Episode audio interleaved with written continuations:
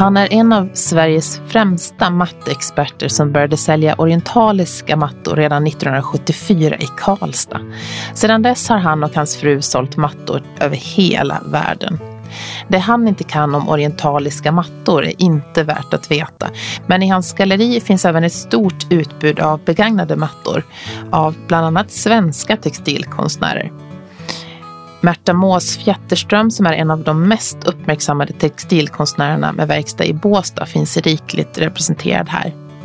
I veckans avsnitt berättar han om allt du behöver veta om olika matttekniker, skötsel och så ger han tips på vad man ska tänka på inför ett köp av en begagnad matta. Välkommen till inredningspodden Amir Frändberg. Tack så mycket. Du är ju en av Sveriges främsta mattexperter. Ja. Specialiserad på både orientaliska mattor men ja. också skandinaviska mattor. Ja. Har jag glömt någon, någon roll? Nej, jag, jag, jag specialist det är liksom, och expert, det är jag är lite blyg av mig, ja. men, gärna mer sånt. men, och, jo, det stämmer. Därför jag har hållit på med länge. Jag har, när jag öppnade min första butik, det är redan 1974. Ja, 46 år sedan. 46 år sedan och då var jag 21, 21 år gammal bara. Oj! Ja. Du och din fru? Ja. Och jag gick på i tekniska. Så när, och då stod min hustru i butiken med barn, vår nyfödda barn, eller när hon var gravid. Och sen mellan rasterna och lunch när i skolan var, då sprang jag till butiken och sålde mattor. Nej, och på så, den vägen är det kan ja, man säga. Ja, på den vägen är det. Sen öppnade vi eftersom vi hade två äldre bröder som jobbade med matter medan vi studerade, eller de studerade. Och en av villkoren var från fadern att barnen måste studera. Så de, han skickade eh, sina barn till eh, Sverige för att de ska studera. Och, de hade, och alla tre hade mattaffärer medan de studerade. Jaha. Ja, och så, så på den vägen är det. Så började jag i Karlstad alltså 1974. Ja, i Karlstad började ni? Ja, Karlstad. Ja. Jag gick på tekniska där. Ja. Men hur kom det sig att det blev mattor? Har, har eh, du haft det med dig sedan eh, barndomen? Nej.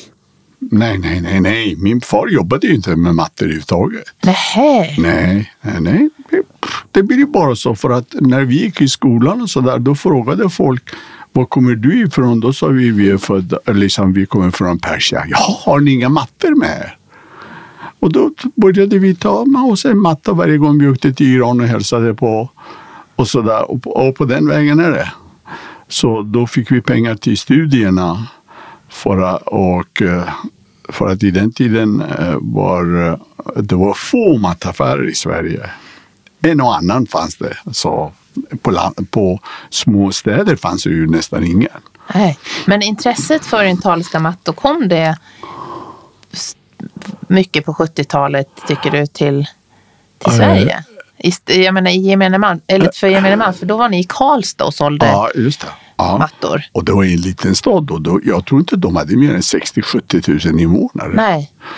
Eh, Sverige har haft mattkultur och intresset från Persien under lång tid tillbaka.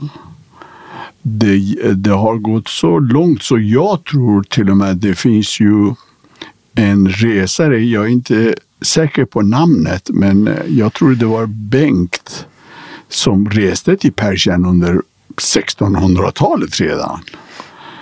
Och äh, persiska mattor. Den började i Sverige, hade mest import av persiska mattor per invånare mellan 1850 till 1920.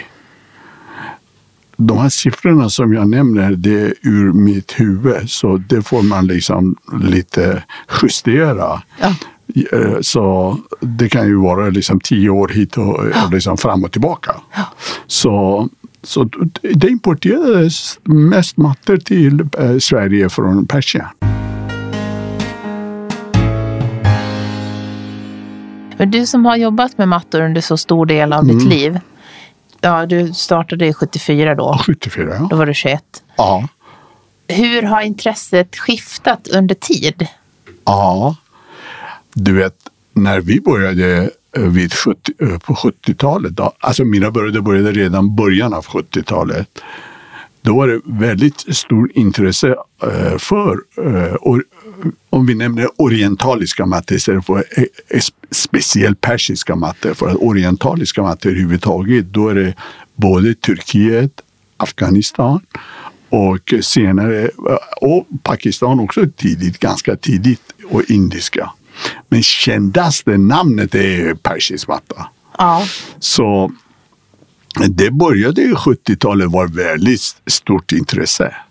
Så folk till och med hade investeringspaket som vi sålde. Alltså folk köpte en fyra, fem stycken olika mattor. Och som investering. För att eh, dis, eh, i Dagens Industri stod det, nu är det också lite modifikation med eh, tiderna, att eh, det prisindexen på persiska mattor slår börsen. Och då var det kaos i, eh, under 70-talet i butikerna. Vi hade kö i butiken varje dag. I Karlstad. I Karlstad vi hade, då expanderade vi. Då hade vi Karlstad, Göteborg, Jönköping, Linköping, Skövde, Växjö, Stockholm, Göteborg. Oj. Och sen öppnade vi i Los Angeles också under 80-talet. Eh, Början av, alltså slutet av 70-talet. Sen 1979 när det blev iranska revolutionen. Då ändrades hela det här. För att eh, då, eftersom Iran då började med kriget med Irak. Det försämrade iranska ekonomin och katastrof. Och då satte de massa, eh, upp massa vävstolar för de här krigsskadade.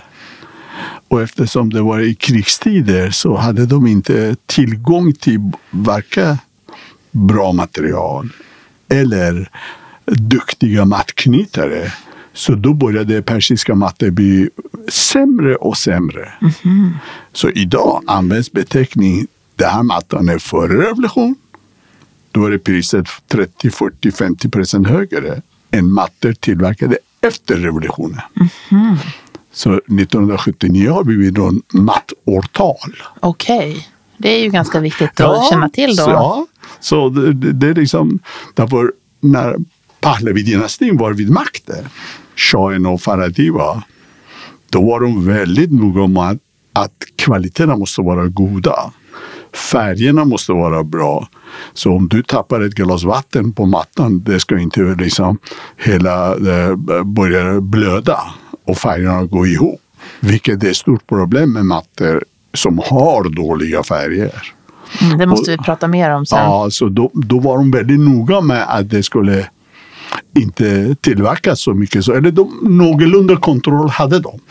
Men efter revolutionen, den kontrollen försvann. För att då ville de att mattorna skulle exporteras och eh, få eh, utlandsvaluta in. Så under åtta år tillverkades enormt dåliga mattor. Och det har fortsatt. Nu är det sämre än någonsin. Okej, så det, det, att handla med persiska mattor idag, det är lite en eh, djungel kan man säga då? Ja, djungel är förnamnet. Okej. Så, ja. Men finns det någon typisk mattkund? Har den, har den personen förändrats från 70-talet till nu när vi sitter 2020 och spelar in? ja, mycket. Jag kommer ihåg när jag och min hustru liksom stod i butiken. Då kom eh, kunder då. Och då vill de ha en fin matta under sin soffgrupp eller sin matbord. Inte brydde de sig om färgerna skulle gå ihop. Men idag helt plötsligt har det blivit någon inredningsdetalj Så nu när, idag när de köper mattor, då ska det liksom passa bra till lampskärmen, till tavlorna, till grannens gardiner. Så det blir liksom så jättekomplicerat. så då, då blir det lite annorlunda eh, smak på. Eh, därför egentligen varje matta har en, har en egen eh, liksom historia och egen färgsammansättning. Mm. Så därför det har, det, har ändrats mycket smak på uh, mattvalet. Ja. Åldersmässigt då? Skiljer det någonting på, på kunden som handlade på 70-talet och som handlar idag? Ja, jag tycker att när jag var ung då var kunderna mycket äldre. Nu när jag är gammal själv tycker jag fortfarande kunderna är mycket äldre. Så, så jag tror att det har alltid varit äldre människor som köper mattor. För att, ja. för att när man är ung så vill man skaffa. Uh, I den tiden var det liksom hem, eh, det kanske är fortfarande hem och bostad. Och med de här nya bostadspriserna som vi har idag, det drar ju musten ur hela familjen. Så det blir inga pengar över till äh, mattor. Och mattor, stackarna, kommer alltid i sista hand. För att du, kan inte, du måste ha en matsal att äta mat på. Men det som det ligger under kan du vänta med. Ja, ja. Mm. Det är det. Så det blir möbler, mattor, eller hem, möbler, tv, mobiltelefon och, så, och sen kommer det matte. kommer det på slutet, då finns det inte mycket pengar kvar.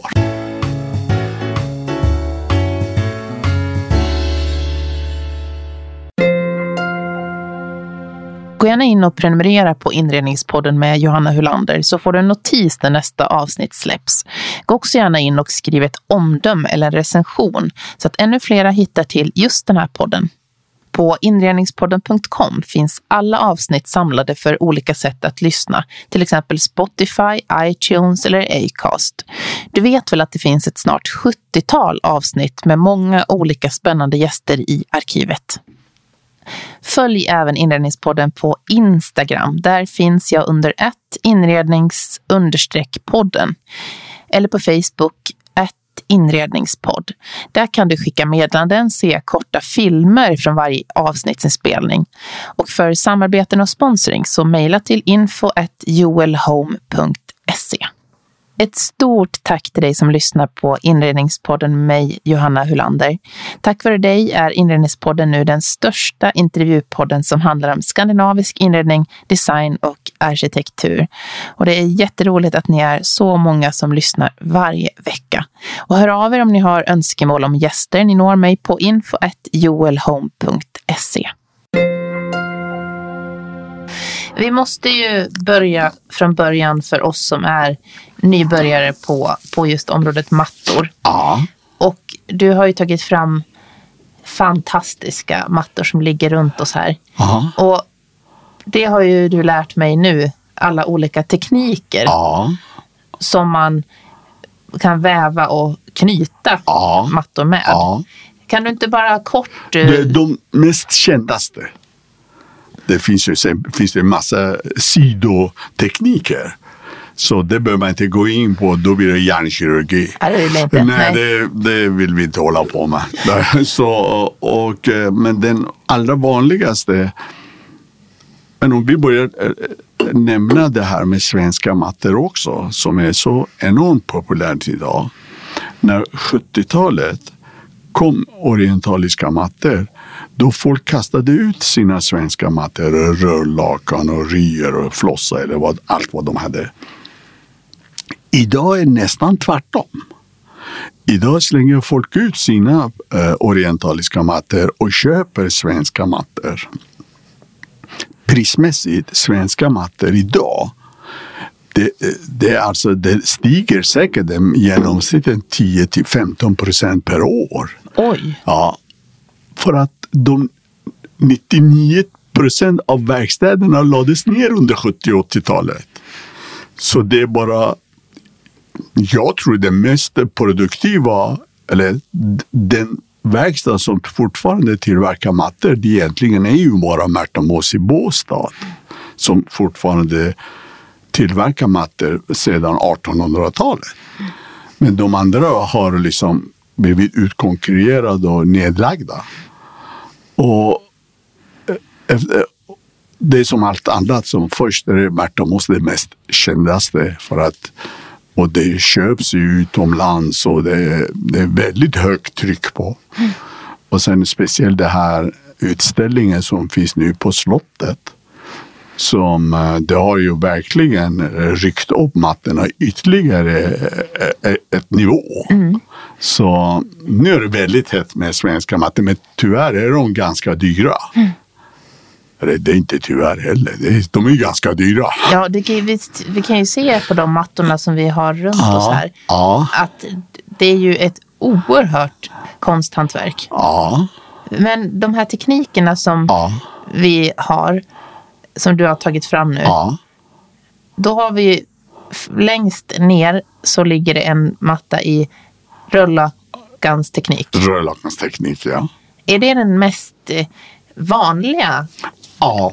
Kan man säga. Ja, och egentligen enklaste. För att då har du, då drar du bara varvtrådar och sen lägger du i inslagstrådarna som bildar ett mönster. Och sen eh, den eh, vackra med det, med det, det är att eh, varje inslagstråd som du lägger in eh, mellan varvtrådarna som du har dragit innan då, då, blir då eh, blandar du olika färger. Så mattan, eller, mattan blir ju levande för att den har ju olika schattering. Så en rörlakan som är, ser blå, liksom blått eller grönt, när man tittar djupt in i den, då är det plötsligt den av tre, fyra, fem, sex olika färger. Det hade inte jag tänkt på innan du visade nej, nej, eh, en som... just Märta Mås Jätterström-matta. Ja, så sa du, har du sett? Här ja. är ju, och då var det ju som en ny värld som öppnade ja, sig. Visst. Ja, så För det blev en lyster i. Ja, det blev lyster i. Och och svenskarna, eller i Sverige, de använder väldigt bra ull. Men tyvärr, de här ullspinnerierna, de har också gått i konkurs nu och stängt ner för att folk inte, inte de har inte tid idag för att sitta hemma och liksom eh, få det här hantverket. Så tyvärr, det, är, det, det håller på att försvinna mer och mer. Den sorg, mest sorgligaste det är Wåhlstedt i Floda som eh, gick i konkurs nu för ett år sedan. Och det var ju över hundra år gammal spinneri. Så det, det, de flesta håller på att lägga ner. Mm. Mm. Så, så det materialet kommer, som finns i de här mattorna som vi köper och säljer, det är svårt att hitta idag. Mm. Eh, och, men sen det är rullakanstekniken eh, ja. som är den vanligaste. Ja. Men där finns det ju då olika, när man tittar på en rullakansmatta ja. som är vävd i något annat land. Ja. Och i Sverige så sa du att man ser skillnaden också. Man ser skillnaden, ja visst. Eh, de har inte först och främst den där konstnärliga färg, färgsammansättningen. Och sen har de eh, inte, eftersom det är tidskrävande att lägga de här olika schatteringarna av olika ull. Och är du inte konstnärligt belagd, då blir det katastrof för resultatet. Så eh, de andra länderna, då lägger de det bara liksom få färger i när, när de lägger inslagstrådarna. Så då, mattan blir inte lika levande som svenska mattorna gör. Mm. Nu har vi gått igenom rullakan. Vilken matta ska vi titta på sen tycker du? Jag tycker att vi kan börja med en uh, rya som är väldigt vanligt i Sverige. Då är vi på den längst ner. Ja. Och här måste man ju bara få känna. Och för er som inte kan känna så är det här den här känner ju de flesta till, en ryamatta. Ja. Men det man inte ser så ofta det är den här kanten med en fantastisk flätning. Ja, därför det här är designat av eh, Sigvard Bernadotte. Jaha. Så det är därför det står ju de två bokstäverna. SB. Sigvard Bernadotte. Sigvard Bernadotte var en stor designer inom både batter och textilier och silver. Jaha, jag visste Så- inte. Jag hade ingen aning om att Nej. han gjorde mattor också. Nej, han har, han har designat många mattor. Så d- där är det, ja, det är därför att de lägger det här breda avslutningen på bara för att få plats med signaturer. Jaha, okej. Men när vi tittar på också här finns det också en enormt tjusig flätning på slutet. Ja, ja, Det här känns som att det här är ingenting som man gör i en handvändning. nej.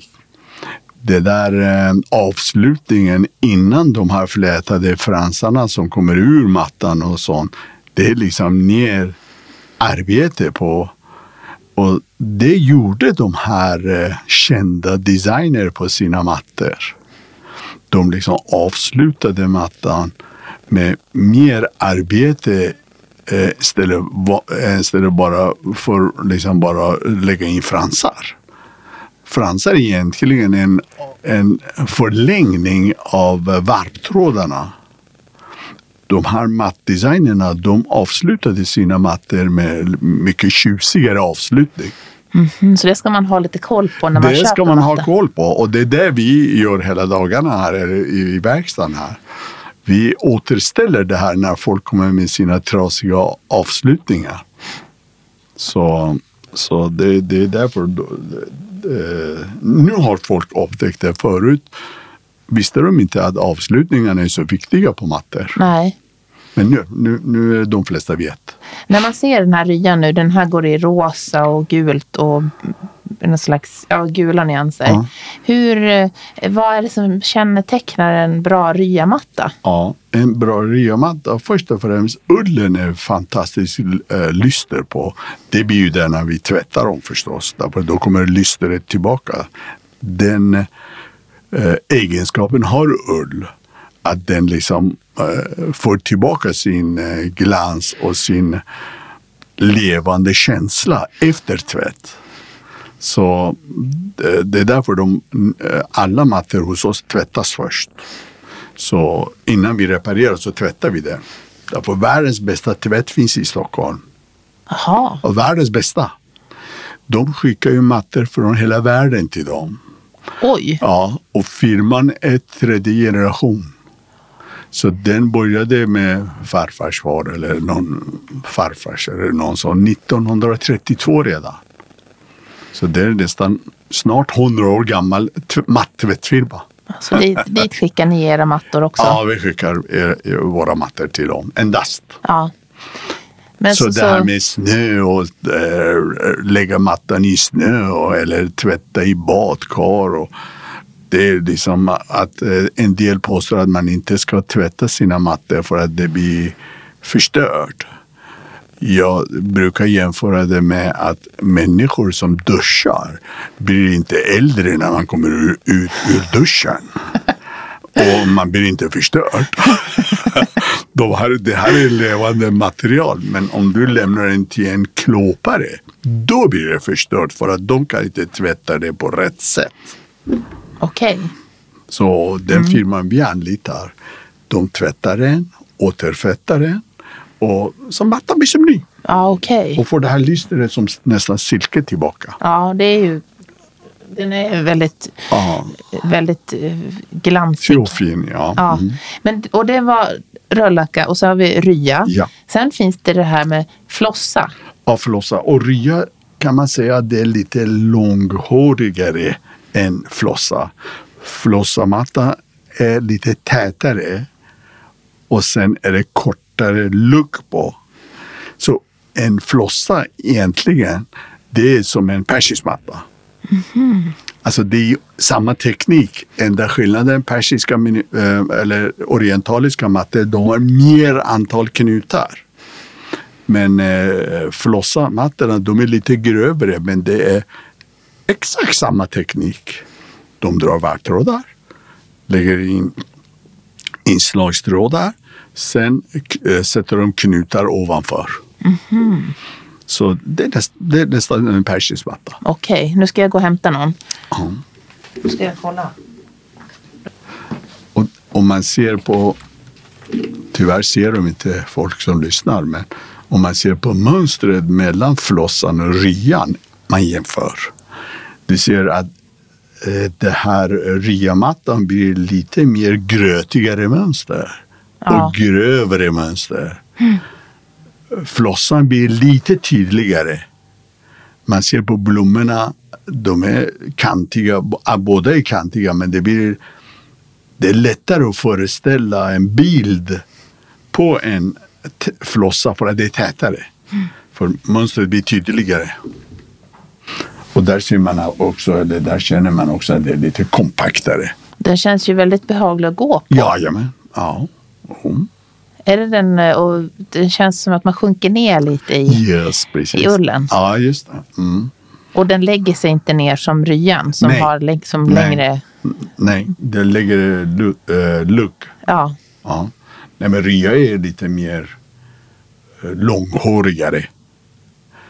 Flossan är lite korthårigare och tätare. är flossan svårare att eh, Ja. göra? Ja, mycket, och det tar mycket längre tid. Och ullen som används i en flossa eh, väger min, eh, mycket mer.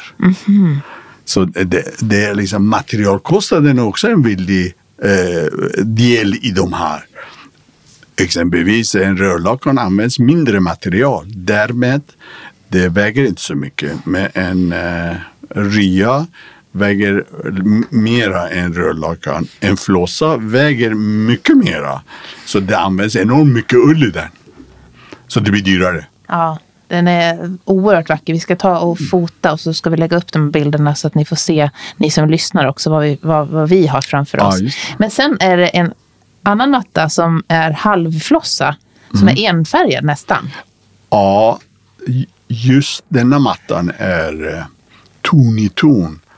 Eh, eh, färgerna är ton i ton. De har, men det finns ju andra halvflossor som har eh, mer eh, färgkontrast.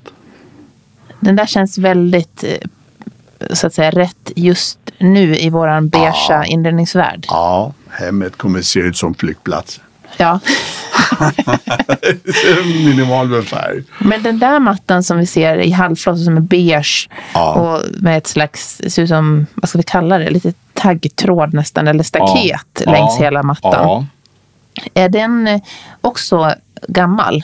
Ja, den där är säkert från 50, 40, 50, 60-talet. Men tyvärr, den är, den är osignerad. Så den mönstret tror jag det är från, eh, eller mattan är tillverkad av Elsa Gullberg. Och eh, jag vet inte, jag har hört, jag vet inte om det är sant eller inte, att de eh, gamla mattkonstnärerna som tillverkade eller designade mattor förr i tiden under säg 10, 20 och 30-talet, till och med kanske 40-talet, signerade inte sina mattor. För att, eh, för att eh, nej, de, de, de gjorde inte det. Så de eh, vävde och gjorde fantastiska mattor utan signatur. Och Märta Moos var egentligen pionjären av, hon var ju smart, smart affärskvinna. Hon arkiverade sina mattor, signerade sina mattor och, eh, eh, och, och liksom var mer mån om vad hon skapade. De andra som, eh, vi har en annan stor konstnär som var samtida som Märta Moos, exempelvis Maja Widde Andersson. Och hon signerade till sina mattor. Och hennes mattor ligger på många kända platser i USA. Jaha. Men hon signerade inte sina mattor. Så, så det vi har hållit på med göra en ark, eller samla ihop eller hennes mattor och gör, eh, som det har nyss kommit ut eh, en bok eh, med hennes mat, mattor. De få som är kända.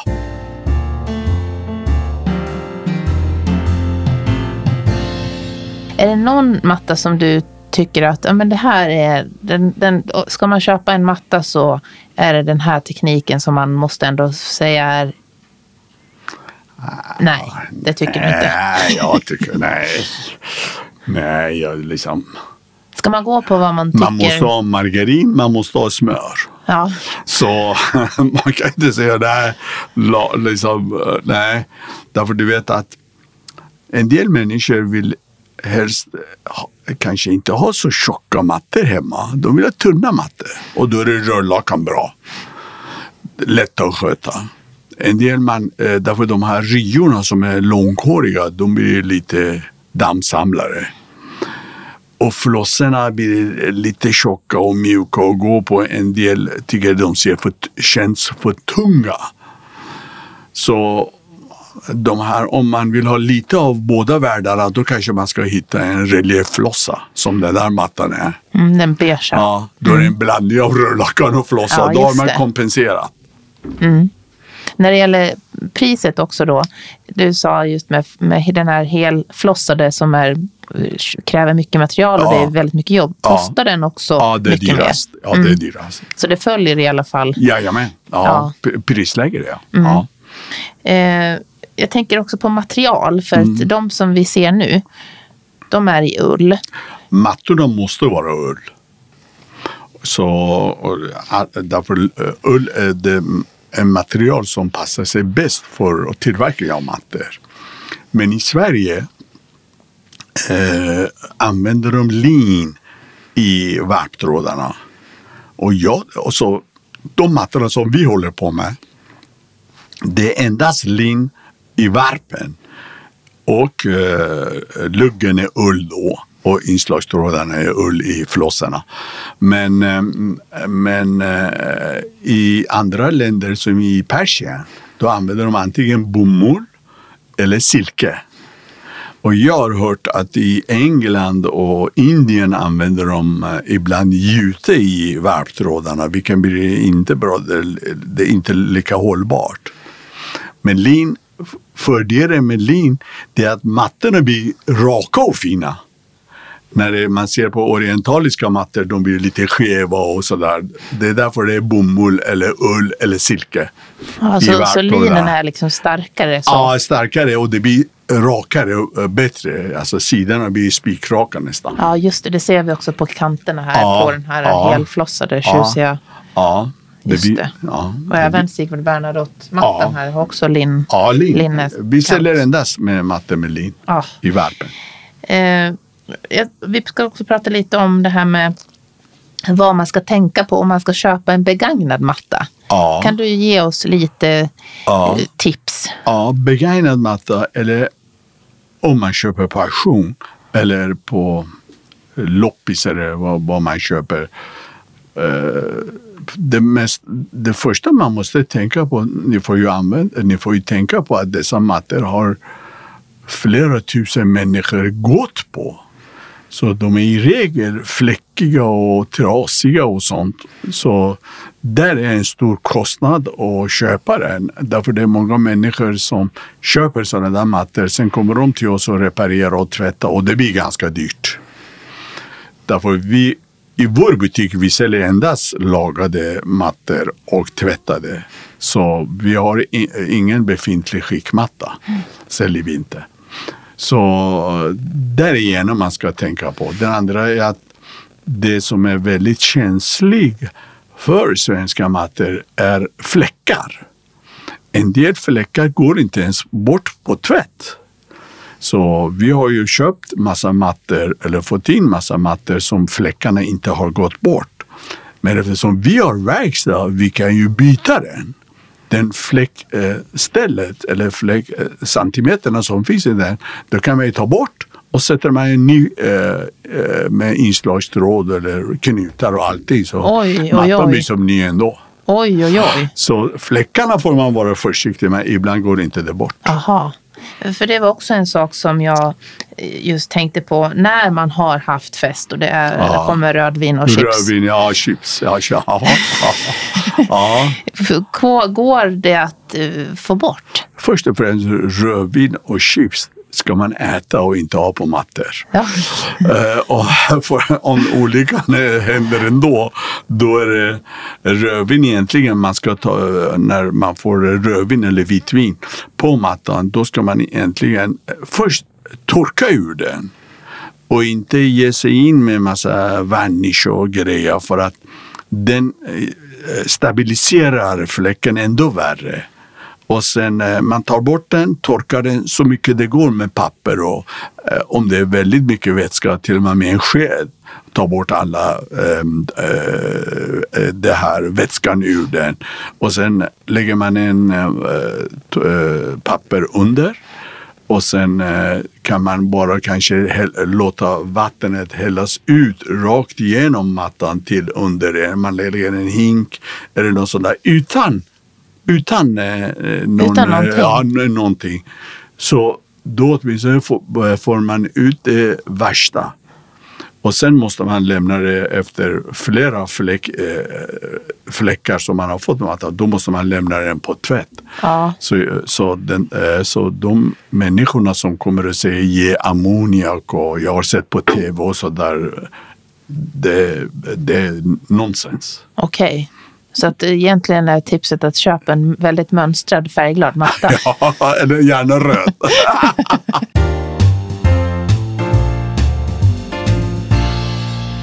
det här med skadedjur och när man har tröttnat på sin matta och man ja. vill rulla bort den och lägga ja. den på vinden. Ja. Hur gör man för att inte få skadedjur i, i den? Eh, vår skräckscenario, vi ser ofta mattor som en malangrepp. I Sverige finns mycket mal för att det är långa eh, mörka tider i Sverige. Så då blir det eh, väldigt lätt att eh, man får mal i sina mattor. Först och främst, jag skulle absolut rekommendera att inga mattor man köper på loppis eller på auktion eller från någon kompis eller från vän. Det ska absolut tvättas innan man lägger det i sitt eget hem aldrig nå otvättade mattor. Absolut så fort man får mattor i arv eller från eh, moster Agda, alla, de måste direkt på tvätt. Mattorna måste tvättas, så därför får man mal i mattorna, då måste hela hemmet saneras. Mm -hmm. För att eh, den får du inte bort. Mm. Eh, den eh, larven och eh, malägget kommer att stanna. Det är någonting som det är väldigt svårt att se. Så, så fort det blir sommar i Sverige eller vår och det blir lite varmare, då får de liv. Så aldrig en otvättad matta. Lika lite som man köper aldrig en otvättad skjorta att ta på sig av, som någon annan har haft. Det, mm. det, är samma känsla och man går inte och lägger sig i en annans lakan. Så, så tvätt först och främst. Och sen kollar man på skador och sånt vad det blir. Men ni får ju räkna med att köpa en begagnad matta egentligen till lägre pris. Det det är för att de här sakerna kostar. Mm. Eh, när det gäller mått på mattor mm. så man googlar igenom mattvärlden ja. och ser vad folk frågar om idag ja. så är just det hur stor matta ska man ha? Ja. Är det någon fråga som du får in i butik? Ja, mycket. mycket. Det, måttet är väldigt viktigt. Först och främst på de här värdefulla svenska mattorna. Det är, det är ju liksom måtten är superviktigt för att eh, idag just det är precis som eh, lägenhetspriserna. Ju större mattan är, ju Eh, dyrare blir den. Så måtten är A och O. Det, det är väldigt viktigt. Mm. Och eh, till en, eh, då har man liksom en del människor skadade till soffgrupp. Då behöver man inte ha fullt lika stor matta som man har under en matsalsbord. Och sen finns det olika kompletteringar, kompletteringsmatta. Då har de väl olika storlekar. Mm. Eh, och, och det finns ju mängder av färg på alla mattor som vi ser runt oss här. Mm. Är det någonting som du tycker man ska tänka på med, med, med färgerna?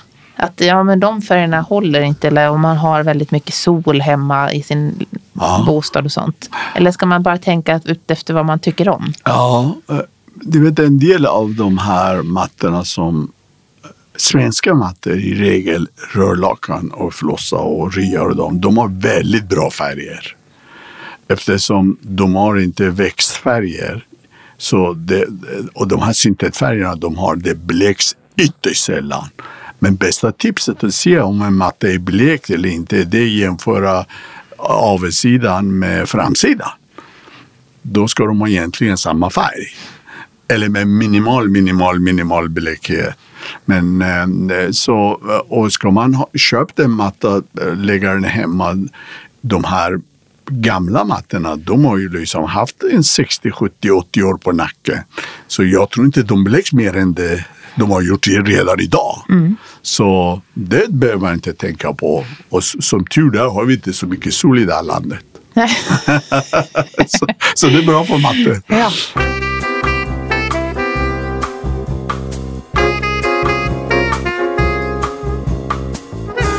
Du berättade ju att det pågår ju en jättestor utställning om just Märta Mås Jätterström ja. just. Och jag såg när att det är jättestor efterfrågan på just hennes design av mattor ja. nu. Ja. Eh, men finns det, och, jag vet att du sa till mig när vi sågs på Antikmässan att det kostar, man kan få alla hennes mönster idag. Ja, vi kan beställa. Också, nerifrån ja. fabriken som är den enda i Sverige då. Men det kostar 100 000 kvadraten då. Eh, men finns det, om man nu känner att, ja, för priset har ju gått upp då på Märta Mås ja. Ja. Finns det andra svenska designers som du skulle säga att titta också på de här? Ja, du vet det finns ju många eh, olika mattdesigner. Men tyvärr eftersom det inte det finns någon verkstad som man kan beställa, då måste man köpa dem i begagnat. Då kommer vi till samma eh, grej igen. Att eh, då måste man kolla efter fläckarna och att det inte är trasigt. Eller om det är trasigt, man får räkna med att det kostar en hel del att återställa den som, som det blir använd, användningsbar. Men det finns fantastiska andra designers som har gjort mattor. De är inte fullt lika produktiva som Märta Moss var. Därför Märta Moss, eh, eftersom i, eh, under 60 eller 70-talet hade de 70 väv, väverskor. Oj! Ja, så det är liksom, man kan säga att det är lite överproduktion på, på den. Men nu, nu är hon så känd och det, det, det, är bra mattor och bra kvalitet. Annars de andra, och, och de flesta rörlakan som är, har en snygg eh, avslutning, då brukar de ha två bokstäver upp till fyra bokstäver invävda. Så då kan man tänka sig att eh, de där är designade mattor, men de är ju som sällsynta. Det är lite, så efter 80-talet tror jag, då började de lägga ut de här eh, svenska eh, designer sina tillverkningar i Portugal. Under 80-talet var bra rörlakan gjordes i Portugal. Inte fullt lika bra som svenska eh, som gjorde det. Men eh, det vart till och med efter ett tag dyrt. Då lag de, eh, la de tillverkningen med de här svenska signaturer i Indien. Vilken är mindre lyckad alltså. De ser hemska ut. Okej, så det är lätt att man trampar snett där man råkar... Jajamän, ja. jajamän. Fast de har svensk design och allting och signatur och allting. Men det känns, på mattorna känns det att det här är det är väldigt grovt och färgen är klantigt gjort och sånt där. Ja. Eh, jag tänkte också, måste, jag måste ju få fråga dig. Mm. Vad har du för mattor själv hemma? Eh, egentligen borde jag ha stampat jordgolv hemma. för, för att de, de, de, de bästa mattorna säljer vi. Så vi har inte råd att ha någon bra mattor hemma. Så vi har vanliga mattor som är osäljbara. Jaha, okay. Osäljbara mattor, om någon vill se det, då kan de se hos mig. Ja, det skulle jag vilja se. Det låter intressant. Ja, det är osäljbara mattor. Ja. Eh, I den här podden får man önska en eh, person som man skulle vilja lyssna på eh, du har ju inte lyssnat på mycket podd innan. Nej. Men om du skulle vilja lyssna på någon, vem ja. skulle det vara?